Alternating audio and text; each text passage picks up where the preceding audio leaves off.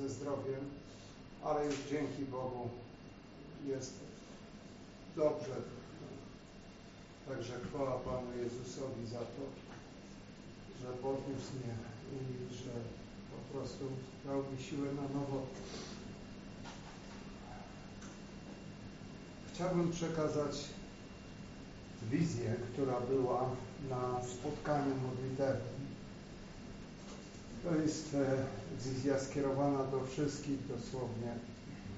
W tej wizji był pokazany orzeł, który siedział na skale i ta skała była taka wilgotna, mokra, a on miał złamane skrzydło i nie mógł dalej lecieć. Był bardzo zmęczony, ale to bardzo zmęczony i nie miał w ogóle sił, aby cokolwiek zrobić. I w pewnym momencie on odbił się i zaczął lecieć w kierunku słońca. Zaczął lecieć, lecieć właśnie w kierunku słońca. I im bliżej słońca był, tym stawał się jego kondycja coraz lepsza i lepsza. I e, już to skrzydło przestało mu przeszkadzać, tak jakby zostało uleczone, a on sam nabrał sił, nabrał sił, tak że mógł dalej, mógł dalej lecieć. E, chciałbym przeczytać fragment ze słowa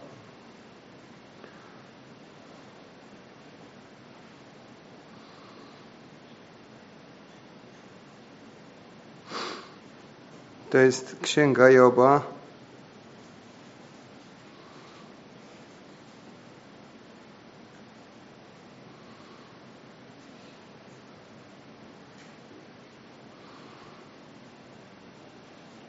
Czysty siódmy rozdział i dwudziesty od dwudziestego wiersza.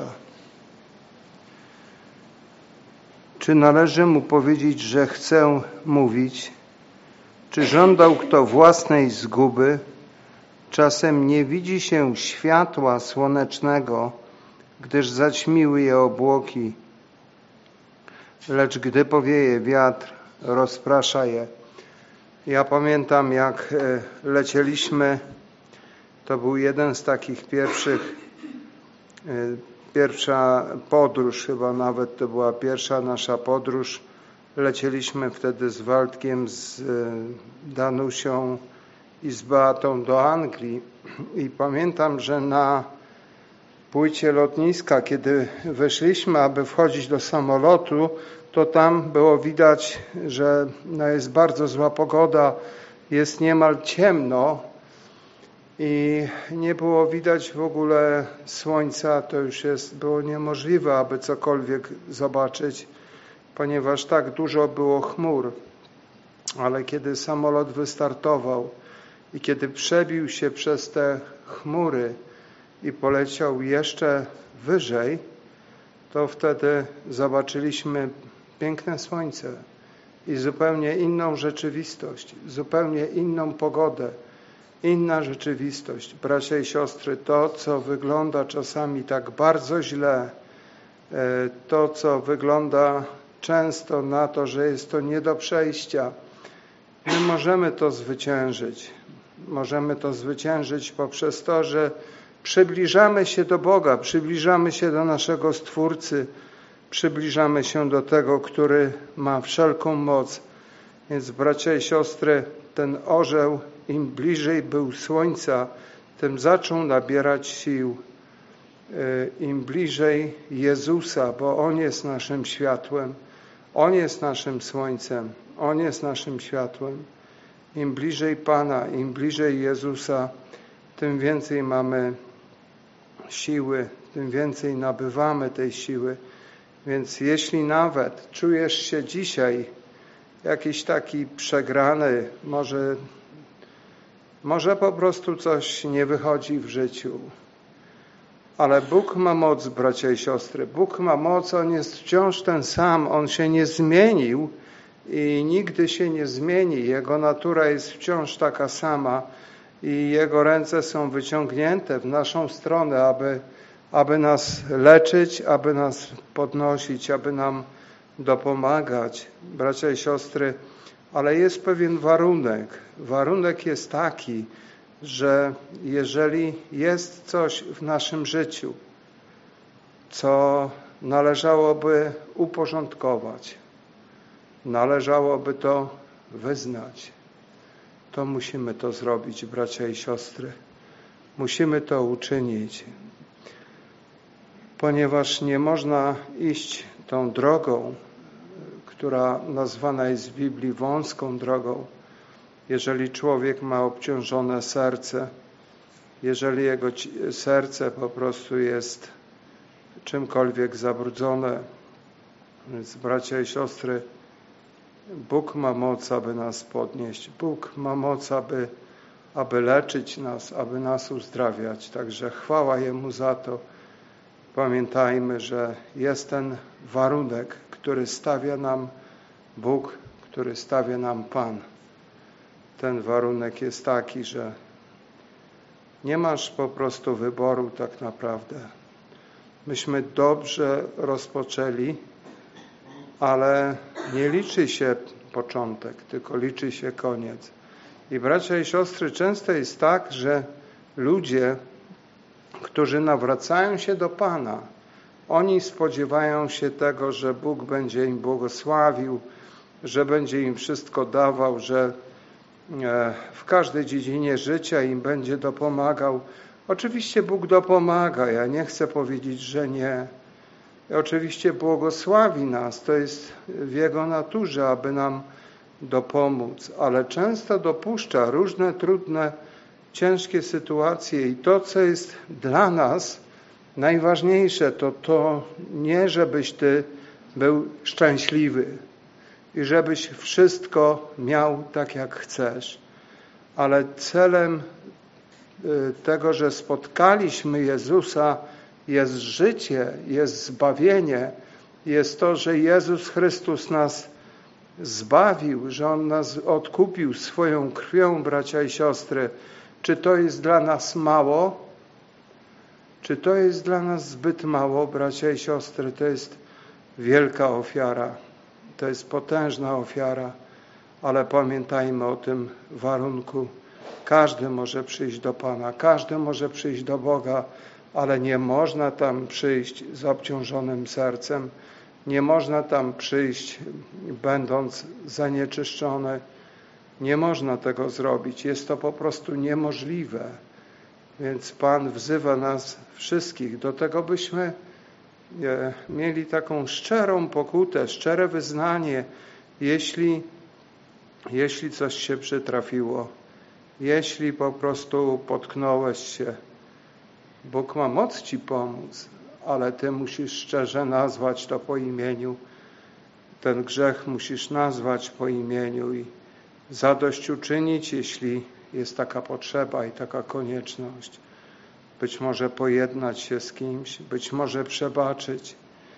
Pamiętajmy, bracia i siostry, że nic, co jest nieczyste, nie wejdzie do Królestwa Bożego. Nie może wejść do Królestwa Bożego.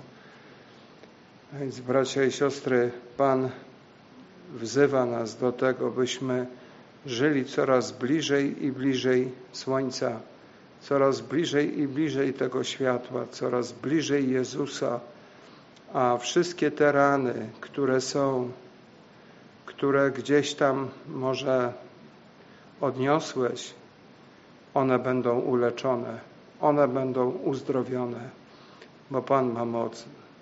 Tak jak w przypadku tego orła pokazał nam, abyśmy nie upadali na duchu, ale byśmy tym bardziej zmierzali w górę do Pana, w górę do Jezusa, wtedy, kiedy wydaje się, że już nie ma sensu, kiedy wydaje się, że już tak daleko poszedłem, że już dalej pójść nie można. Przyjdź do Pana, przyjdź do Jezusa. On ma moc podnieść każdego z nas, ma moc oczyścić każdego z nas. E, nie ma dzisiaj e, sporej grupy ludzi, więc chciejmy też ich przynieść Bogu. Nie znamy, nie wiemy, przez co przechodzą, przez jakie trudności, problemy, ale możemy się za nimi w tej chwili pomodlić i, i możemy ich pobłogosławić.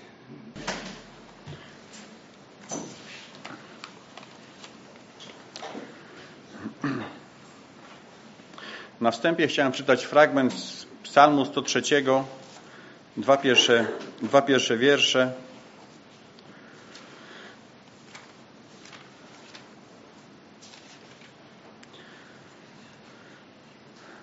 Król Dawid w tym psalmie mówi Błogosław duszo moja Panu i wszystko, co we mnie, imieniu Jego świętemu. Błogosław duszo moja Panu i nie zapominaj wszystkich dobrodziejstw Jego. On odpuszcza wszystkie winy Twoje, leczy wszystkie choroby Twoje. On ratuje od zguby życie Twoje, On wieńczy Cię łaską i litością, On nasyca dobrem życie Twoje, tak iż odnawia się jak u orła młodość Twoja. Psalmista tutaj nakazuje do swojej duszy, błogosław duszo moja Panu. On nie czeka, aż coś odczuje w swoim sercu, on nie czeka na jakieś wzniosłe uczucia, jakieś wzniosłe emocje, ale on wręcz nakazuje swojej duszy, żeby błogosławiła Pana, żeby błogosławiła Boga i żeby nie zapominała tych wszystkich dobrodziejstw, które już od swojego Boga otrzymała. Każdy z nas otrzymał tak wiele dobrodziejstw od Boga. Tu jest napisane, że On odpuszcza wszystkie winy nasze. On przebacza wszystkie grzechy nasze. On leczy nas. On nas prowadzi. Tak wiele człowiek od Boga otrzymał. I tutaj właśnie psalmista nas zachęca, żebyśmy o tym nie zapominali, co otrzymaliśmy od Boga i błogosławili Boga w każdym czasie.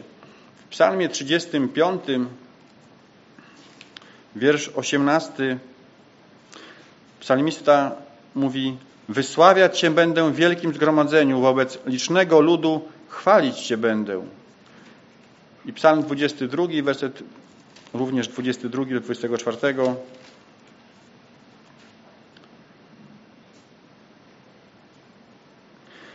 Wybawił mnie z paszczy lwa i od wrogów i od rogów bawołów. Ty odpowiedziałeś mi, będę opowiadał imię Twoje braciom moim, będę Cię chwalił pośród zgromadzenia. Wy, którzy boicie się Pana, chwalcie Go, wysławiajcie Go wszyscy potomkowie Jakuba. A więc tutaj psalmista nas zachęca do tego, żeby chwalić Boga, żeby Go wywyższać, lecz nakazuje swojej duszy. Nie opiera się na swoich emocjach, na swoich odczuciach i czasami właśnie takie opieranie się na naszych odczuciach, na naszych emocjach jest bardzo zgubne. Bo jeśli będziemy czekali na takie emocje, na jakieś wzniosłe takie uczucia w naszym sercu, to prawdopodobnie nigdy swoich ust nie otworzymy. Dlatego on mówi, pamiętaj, niech te wspomnienia, niech to, co świadectwa Bożego działania, niech one Cię pobudzają do tego, aby błogosławić Pana, aby błogosławić Boga. W świecie, w którym my żyjemy, który nas otacza, możemy często zauważyć różnego rodzaju prawa. W tym świecie fizycznym, gdzie się poruszamy, gdzie żyjemy, widzimy różnego rodzaju prawa. Jednym z takich praw jest prawo grawitacji, że jeśli opuścimy książkę czy jabłko, to ono według prawa grawitacji musi spaść na ziemię. Są również yy, pewne rzeczy, które możemy zaobserwować w naszym codziennym życiu. Są pewne siły, które mają wpływ na nasze życie. Są pewne siły, które na nas wpływają. Mm, możemy sobie wyobrazić sytuację, jak to w dawnych czasach panowie tacy ładnie ubrani, mieli, mieli takie wysokie kapelusze, cylindry i kiedy chodzili po ulicach jakiegoś miasta, a zerwał się wiatr i czasami powiał ten wiatr, podjął ten kapelusz, ten kapelusz spadł. Jakaś siła zadziałała, coś się stało. Coś, czego człowiek nie widzi, a coś się stało. Tak samo, kiedy idziemy do samochodu, możemy szarpać za klamkę i próbować samochód otworzyć, ale nie możemy go otworzyć. A dzisiaj żyjemy w czasach, kiedy mamy te piloty do samochodu, te kluczyki elektroniczne. Wystarczy nacisnąć guziczek i nie wiemy, nie wiemy jak, nie widzimy fali żadnej, nie widzimy żadnego zjawiska, a widzimy, że samochód się otworzył. A więc są pewne siły, które są niewidoczne do naszego oka, są pewne wpływy, które mają wpływ na nasze doczesne życie, fizyczne życie, których nie widzimy gołym okiem, ale widzimy pewne efekty, pewne owoce działania wiatru, działania różnych fal elektronicznych. Możemy to zaobserwować owoc konkretny. I tak samo jak w tym naszym świecie fizycznym, również są pewne siły w świecie duchowym, które działają, które wpływają na nas. I taką siłą, taką mocą, taką osobą, która ma wpływ, której nie widzimy naszym gołym okiem, ale którą musimy, możemy jej y, działanie zaobserwować, jej efekty zaobserwować, jest diabeł szatan. I wiemy ze Słowa Bożego, że on jest w różny sposób nazywany i odnosi się to do jego natury, jego sposobu działania, jego charakteru. Jednym z takich słów jest, że to, że jest diabeł jest kłamcą. On jest oskarżycielem braci. A więc jest tym, który potępia w naszych oczach brata, siostrę, oskarża. Negatywnie pokazuje czyjeś charakter, czyjeś yy, w taki potępiający sposób.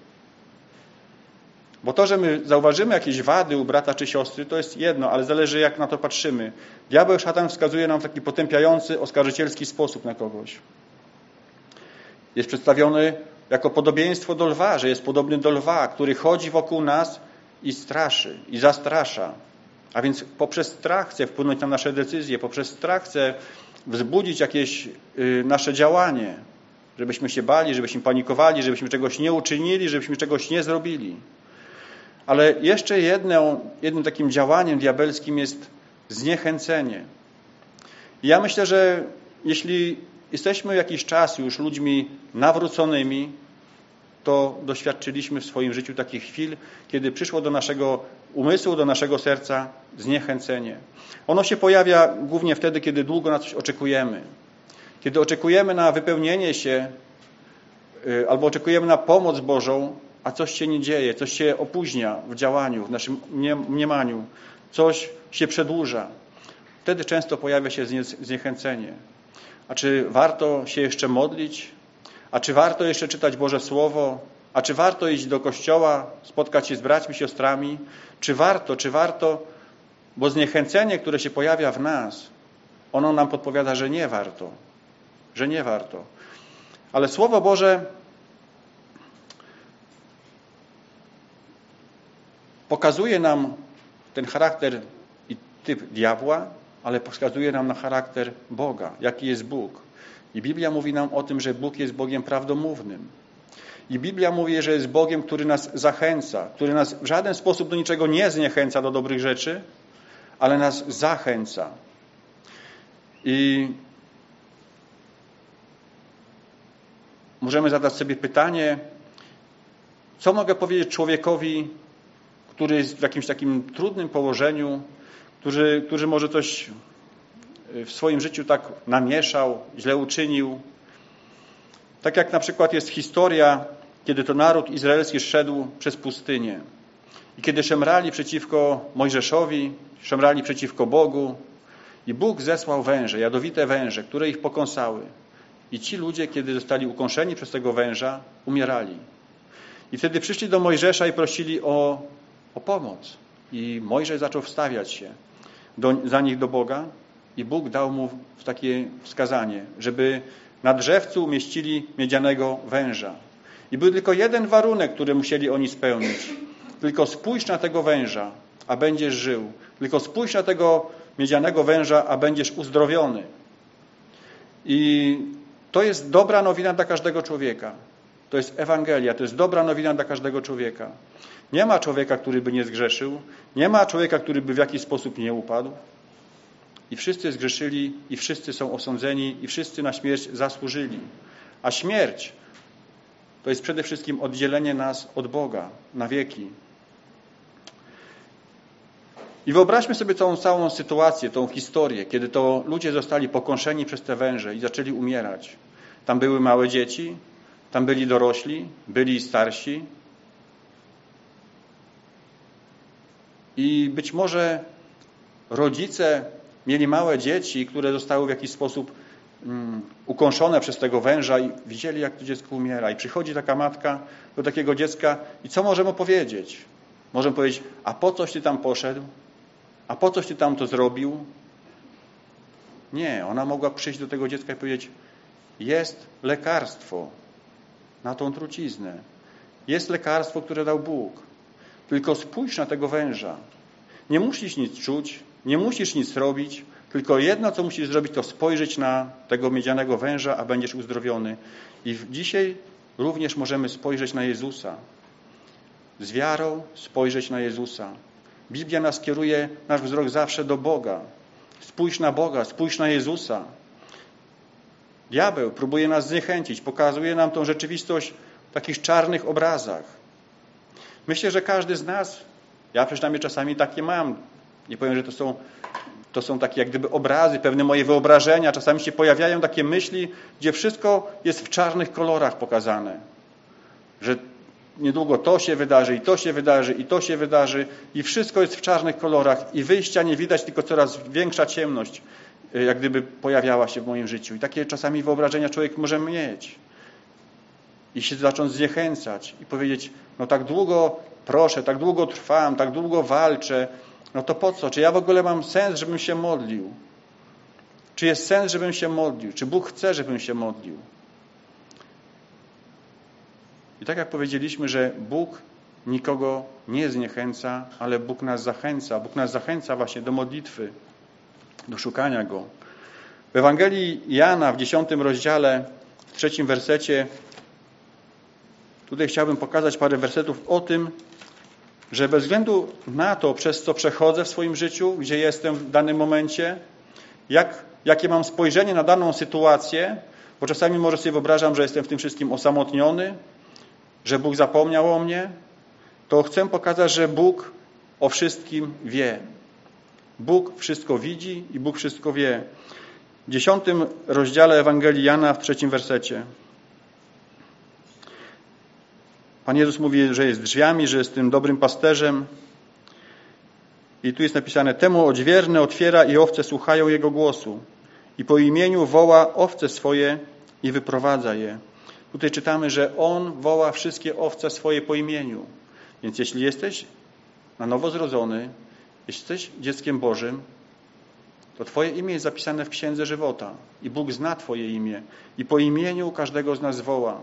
Jest również wiele innych fragmentów, które mówi o tym, że żaden wróbel nie spadnie na ziemię, jeśli Ojciec na to nie pozwoli, jeśli Bóg na to nie zezwoli. Inny fragment mówi o tym, że wszystkie nasze włosy na głowie są policzone. I myślę, że my sami nie wiemy, ile mamy tych włosów. Nikt z nas nie jest w stanie, przynajmniej ja nie jestem w stanie zliczyć, chociaż niewiele ich mam, ale nie jestem w stanie ich zliczyć. A Bóg mówi, że wszystkie gwiazdy po imieniu woła. On wie wszystko i On każdego zna. Pewien pastor kiedyś usłyszał o pewnym pasterzu, że kiedy ten pasterz woła swoje owce po imieniu, to te owce reagują, przychodzą. No i chciał to sprawdzić. Pojechał do tego, pastor pojechał do tego pasterza i mówi, że słyszał o nim, że jeśli on zawoła swoje owce po imieniu, to te owce reagują, idą do niego. Więc ten pasterz y, wziął tego pastora, tam gdzie te, na te łąki, gdzie się wypasały te owce i zaczął wołać po imieniu. Było to stado i każda z tych owiec miała swoje imię. I kiedy powiedział jakieś imię, owca podnosiła głowę. Powiedział inne imię, owca podnosiła głowę. I to jest taki obraz, że również i nas Bóg zna. Ale jest również mowa o tym, że skoro Bóg zna nas, więc my jako dzieci Boże musimy znać Boży głos. Pewien człowiek próbował kiedyś naśladować głos pasterza, który również pasał owce i zrobił taki podstępny Y, podstępem chciał te owce zwieść, przebrał się w strój tego pasterza i zaczął wołać te owce. Zaczął je próbować naśladować głos tego pasterza. Ale żadna owca nie zareagowała, żadna owca nie poszła za tym pasterzem. Dlatego, że one wszystkie znały dobrze głos swojego pasterza. A więc Bóg również nas woła po imieniu. Ale czy znasz Jego głos? Czy znasz ten głos dobrego pasterza? Biblia mówi o tym, że y, ci, którzy są dziećmi Bożymi, Duch Boży ich prowadzi. Ale więc, żeby Duch Boży nas prowadził, my musimy znać ten Boży głos. I jak mam go dzisiaj rozpoznać, ten Boży głos? Jak go odróżnić pośród tylu wielu głosów? Przede wszystkim muszę znać naturę Bożą. Jaki jest Bóg? Więc jeśli przychodzi diabeł ze zniechęceniem i pokazuje to wszystko w naszym życiu w czarnych kolorach, droga bez wyjścia, wszystko na zatracenie, wszystko stracone, I kiedy pokazuje nam takie obrazy w, naszych, w naszej głowie maluje, to wiedzmy, że to nie jest ten Boży głos do nas, że to nie jest prowadzenie od Ducha Świętego, że to nie mówi ten dobry pasterz. Dlatego, że ten dobry pasterz jest napisane, że on życie swoje kładzie za owce. Ten dobry pasterz wyprowadza te owce na te pastwiska zielone, gdzie jest dużo tego pokarmu. Bóg nigdy nas do niczego nie zniechęca. W księdze Izajasza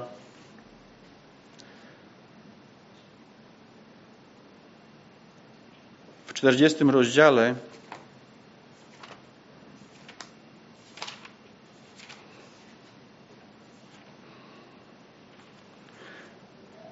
od 25 wersetu. Z kim więc mnie porównacie, że mam mu być równy, mówi święty. Podnieście ku górze wasze oczy i patrzcie, kto to stworzył. Ten, który wyprowadza ich wojsko w pełnej liczbie. Na wszystkich woła po imieniu. Wobec takiego ogromu siły i potężnej mocy nikogo nie brak. Czemu więc mówisz Jakubie i powiadasz Izraelu, zakryta jest moja droga przed Panem, a moja sprawa do mojego Boga nie dochodzi. Czy nie wiesz, czy nie słyszałeś? Bogiem wiecznym jest Pan, stwórcą krańców ziemi. On się nie męczy i nie ustaje, niezgłębiona jest Jego mądrość. Zmęczonemu daje siłę, a bezsilnemu moc w obfitości. Młodzieńcy ustają i mdleją, a pacholęta potykają się i upadają. Lecz ci, którzy ufają Panu, nabierają siły. Wzbijają się w górę na skrzydłach jak orły, biegną, a nie mdleją, idą, a nie ustają. Więc tutaj Bóg mówi, czego mówisz Jakubie i powiadasz Izraelu, że zakryta jest moja droga przed Panem, a moja sprawa do mojego Boga nie dochodzi. W Ewangeliach często czytamy takie chociażby historię ślepego Bartymeusza, który siedział przy drodze i usłyszał o Panu Jezusie, że idzie, a tłum idzie obok niego i słucha nauczania Pana Jezusa. Byli tam również apostołowie i olbrzymia rzesza ludzi, którzy często przychodzili, żeby popatrzeć, żeby zobaczyć, może jakieś cuda się wydarzą, może coś usłyszą. Byli, było takich dużo ludzi zainteresowanych, ciekawskich. I kiedy Bartymeusz usłyszał, że Pan Jezus przechodzi, zaczął wołać, głośno wołać. Jezusie, Synu Dawidowy, zmiłuj się nade mną. Jezusie, Synu Dawidowy, zmiłuj się nade mną. I wołał dłuższy czas. I w Nowym Testamencie widzimy wiele takich świadectw, gdzie ludzie, którzy byli w potrzebie, ludzie, którzy byli w problemach, długo wołali, a Pan Jezus milczał. I nam się czasami tak właśnie wydaje, że Pan Jezus, kiedy nic nie słyszymy, kiedy nic nie widzimy, On milczy, On o nas zapomniał, a moja sprawa do jego, przed Jego oblicze nie dochodzi. Ale wiedzmy o tym, że te właśnie takie trudności, które nas spotykają, kiedy te sprawy się przeciągają, kiedy te, y, ten okres się wydłuża oczekiwania na Bożą łaskę, na Bożą pomoc, to nie znaczy, że jesteśmy obojętni. To nie znaczy, że sprawa nasza przed Boży Tron nie dotarła.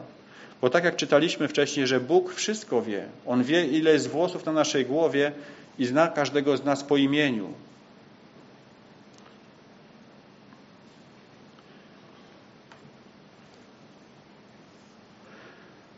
W Księdze Objawienia Jana w pierwszym rozdziale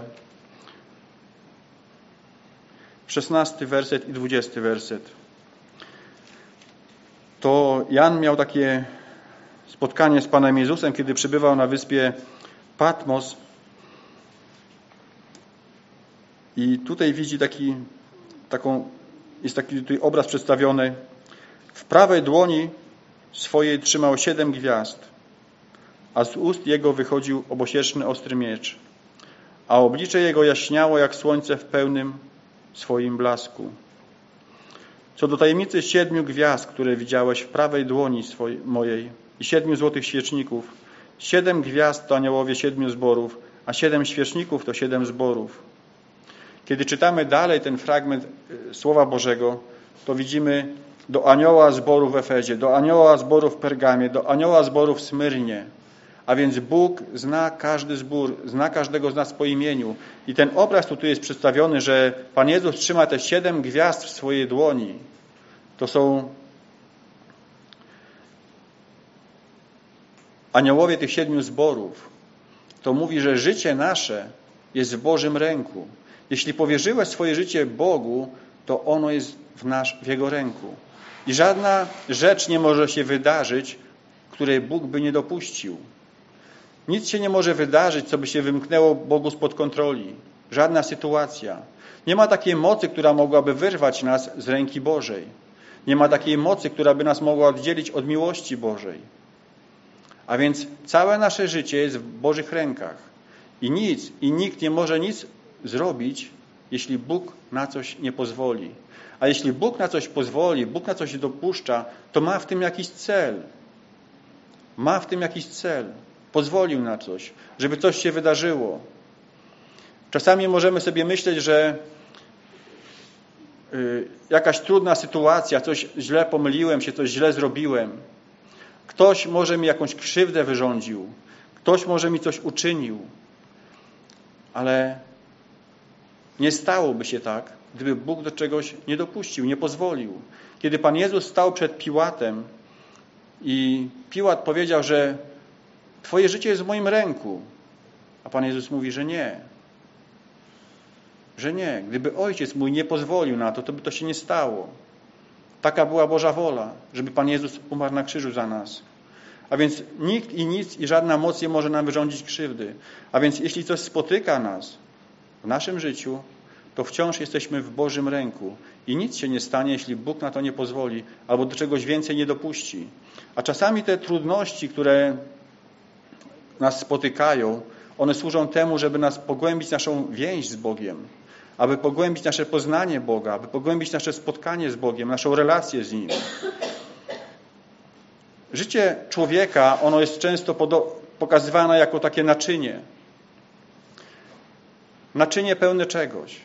Z natury, jaką odziedziczyliśmy po Adamie i Ewie, mamy tą naturę, to naczynie pełne grzechu, pełne naszego ja, pełne naszej y, egoizmu, pewnych cech charakteru, pewnych owoców ciała, które są grzeszne, które są złe i w każdym z nas inaczej się objawiają.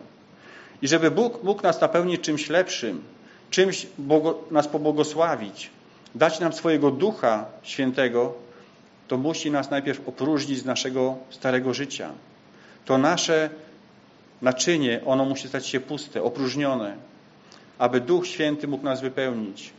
I to nie jest tylko jednokrotne przeżycie, którego my jako wierzący doświadczamy w swoim życiu, ale to przeżycie, ono się powtarza, bo jesteśmy porównani do takiego dziurawego naczynia, której jest wlewana woda i ona tymi dziurkami ucieka. A więc czasami nas to spotyka. Coś, czego byśmy nie chcieli w swoim życiu spotkać. Czego byśmy nie chcieli przeżywać w swoim życiu. Ale wiedzmy, że w tym wszystkim jest z nami Bóg. I nic się nie wydarzy, jeśli Bóg do czegoś nie dopuści.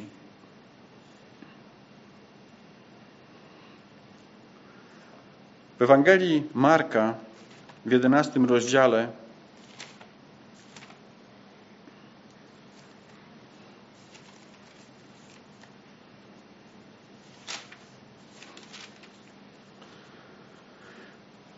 Więc pytanie, czy powinienem się modlić? Czy jest sens, żebym się modlił? Czy jest sens, żebym chodził na spotkania do kościoła? Bo ogarnia nas takie zniechęcenie. Bo ogarnia mnie zwątpienie i uważam, że wszystko już straciło jakikolwiek sens. Więc czy to są Boże myśli? Czy to pochodzi od Boga? Ewangelia Marka, 11 rozdział, 23 werset. Zaprawdę powiadam wam, kto bykolwiek by rzekł tej górze, wznieś się i rzuć się w morze, a nie wątpiłby w sercu swoim, lecz wierzył, że stanie się to, co mówi, spełni mu się. Jest wiele takich przykładów jeszcze. Chociażby historia o Łazarzu, kiedy to został z martwych wzbudzony. I wiele innych historii, które mówią, że w, w takich trudnych okolicznościach czy kiedy czas się wydłuża, czy jest sens, żebym szukał Boga, czy jest sens, żebym wierzył Bogu. Pan Jezus mówi, żebyśmy wierzyli, żebyśmy Mu ufali, żebyśmy oczekiwali na Jego łaskę. Apostoł Paweł w liście do Kolosan powiedział, w modlitwie bądźcie wytrwali.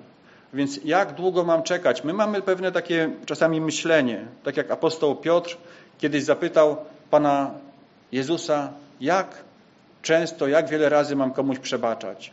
Czy aż do siedmiu razy? To są ludzkie spojrzenia, ludzkie wymiary pewne, które mamy. Jesteśmy ograniczeni, mamy ten swój czas. I to jest dla mnie tak wiele siedem razy przebaczyć. Czy aż siedem razy to już będzie straszny duży wyczyn. A Pan Jezus mówi nie, zawsze masz przebaczać. Zawsze masz przebaczać.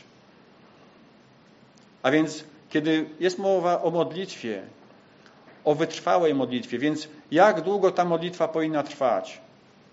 Jeden tydzień, dwa tygodnie czy trzy tygodnie? Jaki okres sobie wyznaczam w swoim życiu, w którym Bóg ma odpowiedzieć na moją modlitwę? Czy mam taki, taki odcinek w swoim życiu, który sobie wyznaczam, że w tym i w tym czasie wierzę, że Bóg odpowie? Jest napisane w modlitwie bądźcie wytrwali, a więc nie ma tam powiedzianego czasu.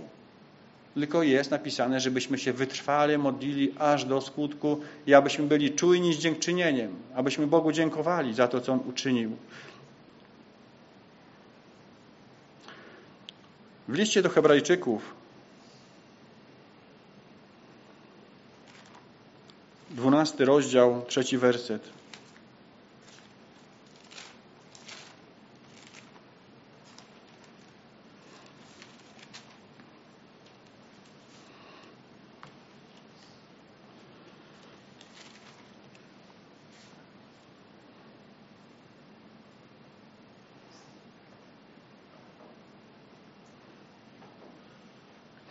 Ale najpierw przeczytam jeszcze z Hebrajczyków 10 rozdziału 25 y, werset.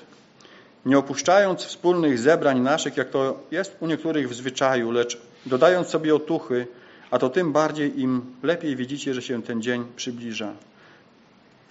Abyśmy dodawali sobie otuchy. Jak ważną rzeczą i sprawą jest to, abyśmy nie opuszczali wspólnych zgromadzeń, abyśmy się gromadzili, spotykali się z Kościołem, z braćmi, siostrami, abyśmy dodawali sobie otuchy w naszych właśnie tych trudnościach, w naszych y, problemach. Jak mam to czynić? Słowem, zachętą, modlitwą, wsparciem, rozmową. Na różne sposoby możemy dodawać sobie otuchy, aby nie zniechęcać kogoś, nie pogrążać kogoś, ale zachęcać, dodawać sobie otuchy właśnie w tym bardziej w tych trudnościach, w których się zmagamy.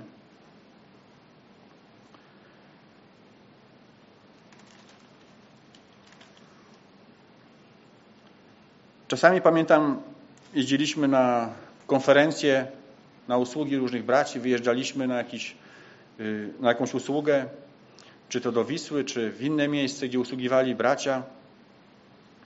I czasami tak się wydawało, że to były takie wyjazdy weekendowe, piątek, sobota, czasami niedziela.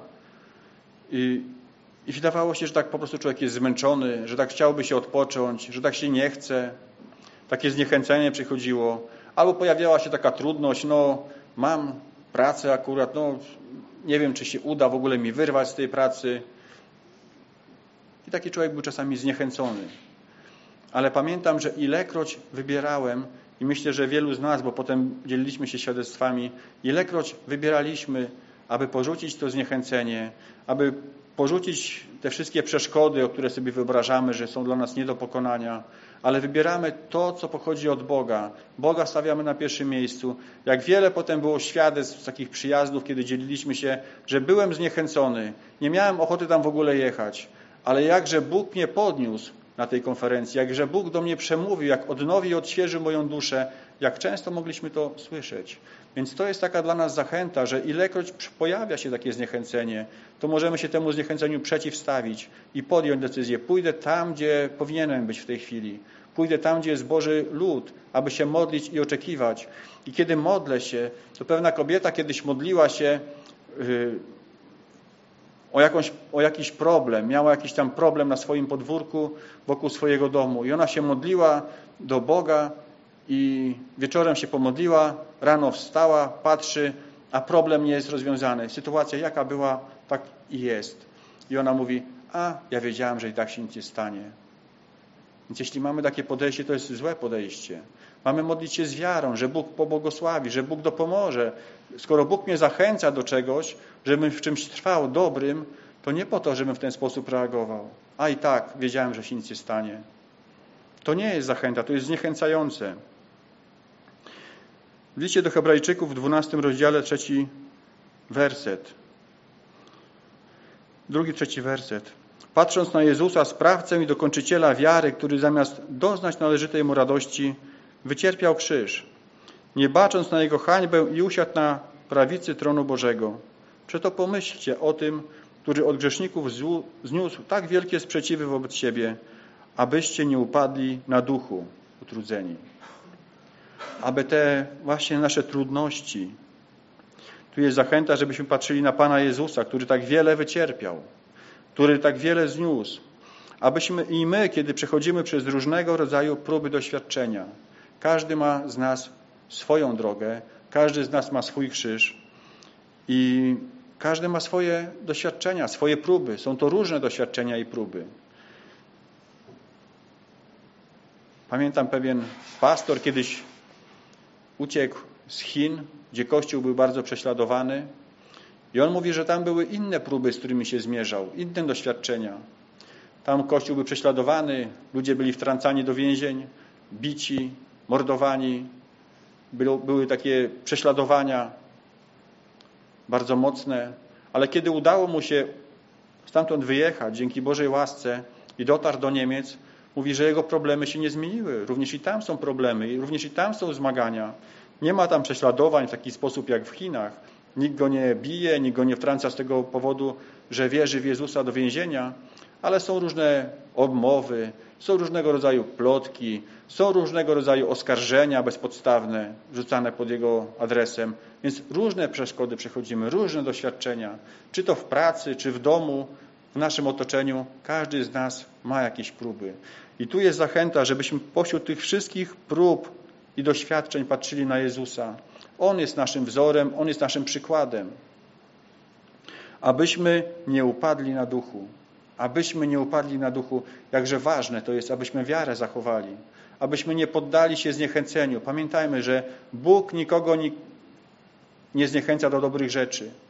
Bóg nas zachęca do tego, żebyśmy trwali w wierze. Bóg nas zachęca do tego, żebyśmy się modlili, żebyśmy Go szukali, żebyśmy poznawali Jego wolę. On nas do tego zachęca. Gdyby dziecko, które idzie do pierwszej klasy, no i nie idzie mu na początku, nie zna tych nowych rzeczy, nie uczyło się nigdy matematyki, ani angielskiego jeszcze może. I nie idzie mu, nie wychodzi mu, potyka się i oceny są słabsze. I gdyby rodzic mu mówił, a ty nieudaczniku, a ty taki czy taki, tobie nigdy w życiu nic nie wyjdzie. To czy to by była zachęta? Zachęta polega na tym, że mówimy mu, nie poddawaj się, nie powiodło ci się, nie udało ci się, coś ci nie wyszło w życiu, nie poddawaj się, nie zniechęcaj się, nie ulegaj temu. To tym bardziej i Bóg do nas mówi, że czasami nam coś nie wychodzi, bo jesteśmy uczniami, potykamy się, popełniamy różnego rodzaju błędy. Ale kiedy przychodzimy do Boga, kiedy wyznajemy Mu, mówimy Mu, chcemy się dalej uczyć, chcemy dalej wzrastać, chcemy naśladować Ciebie, to pomimo tych wszystkich upadków, pomimo tych wszystkich błędów, które w życiu popełniamy, Bóg mówi, nie zniechęcaj się, ale wstań, idź dalej, patrz na Jezusa. On jest sprawcą i dokończycielem wiary naszej, abyśmy nie upadli na duchu utrudzeni. Niech to słowo będzie taką zachętą dla każdego z nas. We wszelkich naszych próbach, we wszelkich naszych doświadczeniach, niech dusza moja błogosławi Pana. Nie musimy czekać na jakieś wzniosłe emocje, nie musimy czekać na nasze wzniosłe uczucia. Diabeł przyjdzie i zniechęci, powie, a czego Ty masz chwalić swojego Boga? A czego Ty masz chwalić swojego Pana? A Dawid mówi, pamiętaj o wszystkich dobrodziejstwach, błogosławieństwach, które otrzymałeś od Niego. On przebacza wszystkie winy Twoje. On odpuszcza wszystkie grzechy Twoje. On uzdrawia wszystkie choroby Twoje.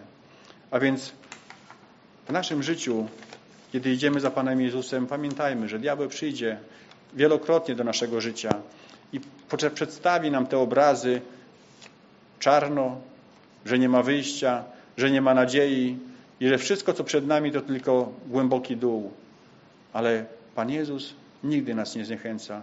On mówi, tylko wierz, tylko wierz. Tylko Mu ufaj, tylko na Nim polegaj. On nas zachęca, On nas nie zniechęca. I na tym polega ta różnica. W ten sposób uczymy się rozpoznawać ten Boży głos, prowadzenie Ducha Świętego od tych diabelskich podszeptów. Amen. Tak króciutko chciałem przekazać pewną myśl, którą otrzymałem, wierzę, że od Boga, że od Pana. To jest pierwszy list e, Jana.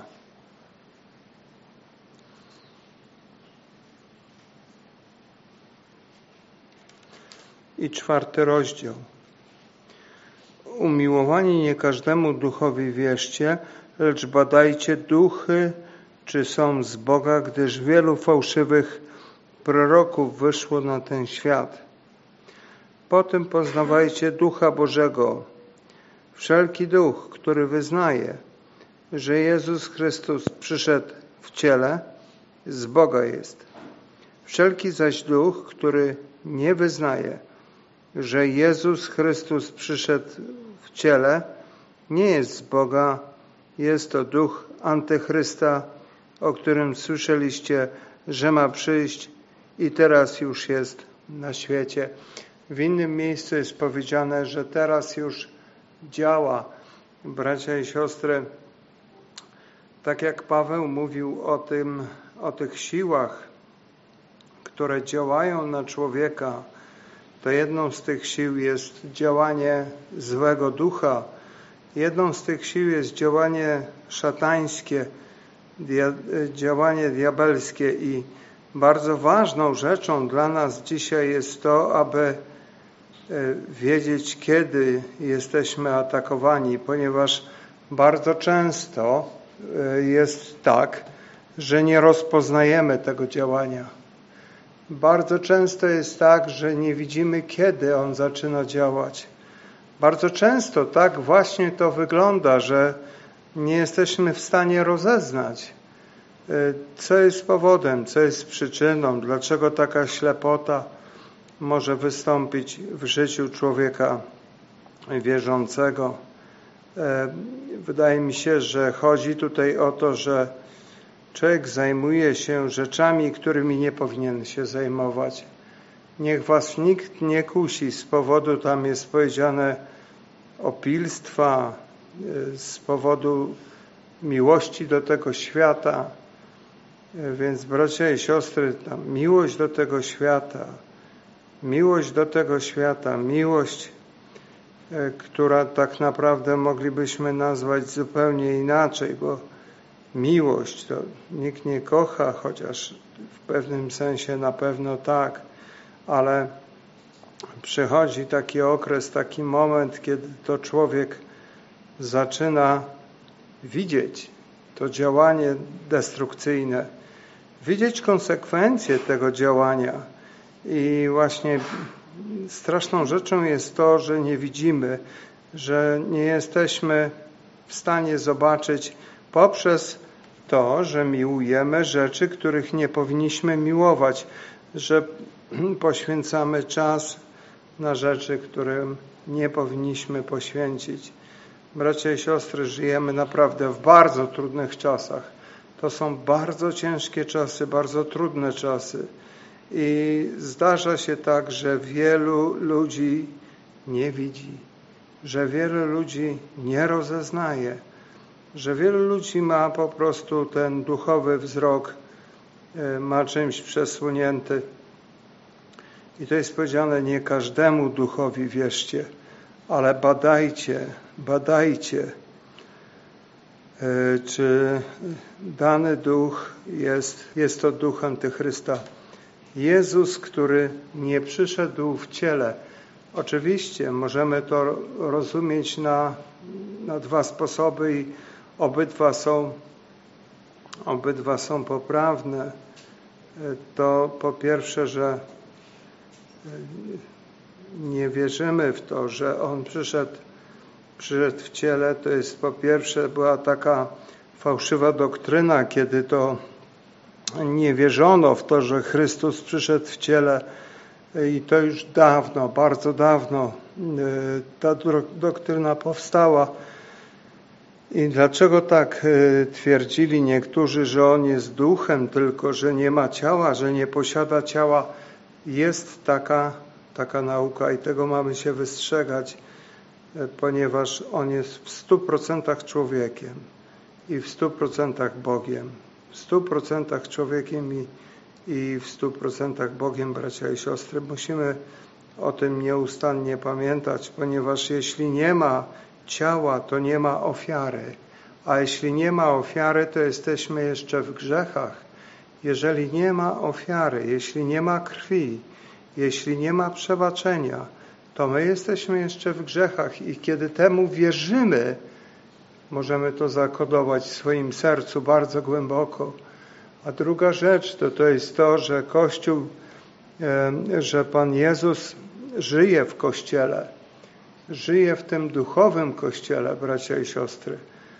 On jest w nas i my jesteśmy do tego powołani, by rozeznawać między innymi, by widzieć, czy widzisz w bracie, czy widzisz w siostrze Chrystusa, czy widzisz tylko same negatywne rzeczy, czy potrafisz tylko krytykować, czy potrafisz tylko po prostu narzekać na Kościół, na brata, na siostrę.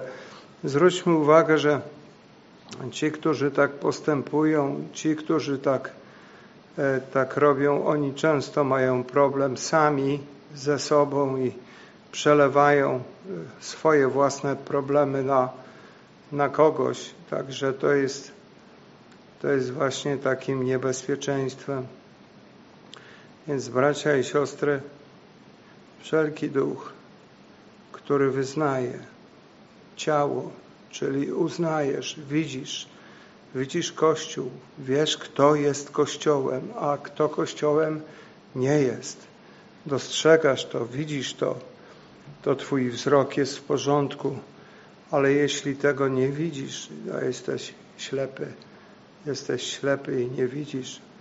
I ten wzrok wymaga naprawienia, ten wzrok wymaga uzdrowienia, abyśmy mieli to duchowe rozeznanie, bracia, i dzisiaj, zwłaszcza, zwłaszcza kiedy żyjemy w tak trudnych czasach, kiedy żyjemy właśnie w takich czasach, gdzie tak wiele różnych nauk jest, które nie pochodzą od Pana, które nie pochodzą od Boga. Dlatego badajmy. I Pan Jezus powiedział, że poznacie ich po ich owocach. I my wiemy, że przede wszystkim owoc to jest miłość, pokój, radość. To, to są owoce ducha, to jest owoc ducha. To jest miłość. Czy miłujesz braci? Czy miłujesz? Czy ty naprawdę miłujesz? To tak jak zwróćmy uwagę, kiedy Pan Jezus pyta Piotra, Piotrze, ale czy ty mnie miłujesz? Czy ty mnie naprawdę miłujesz? Bo jeśli naprawdę miłujesz Boga, to miłujesz też tego, który się z Niego narodził. To miłujesz też Kościół. Bezwzględnie miłujesz Kościół. Więc e, ten brak miłości świadczy o tym, że nie znamy Boga, nie znamy Pana i idziemy tą niewłaściwą drogą. Więc bracia i siostry, ważne, by słuchać Słowa Bożego teraz by słuchać Słowa Bożego, bo ono nas koryguje, ono nas napomina, ono nas też wychowuje. My tego Słowa potrzebujemy. Więc widzieć, kto należy do Pana, a kto do Pana nie należy. Zwłaszcza na tych ludzi, których śmiało można nazwać dzisiaj zwodzicielami tymi, którzy oszukują, którzy zwodzą, którzy wiele e, obiecują, nie mogąc, nie mogąc temu podołać. Nie są w stanie jakby tego wykonać. Że chcemy podziękować Panu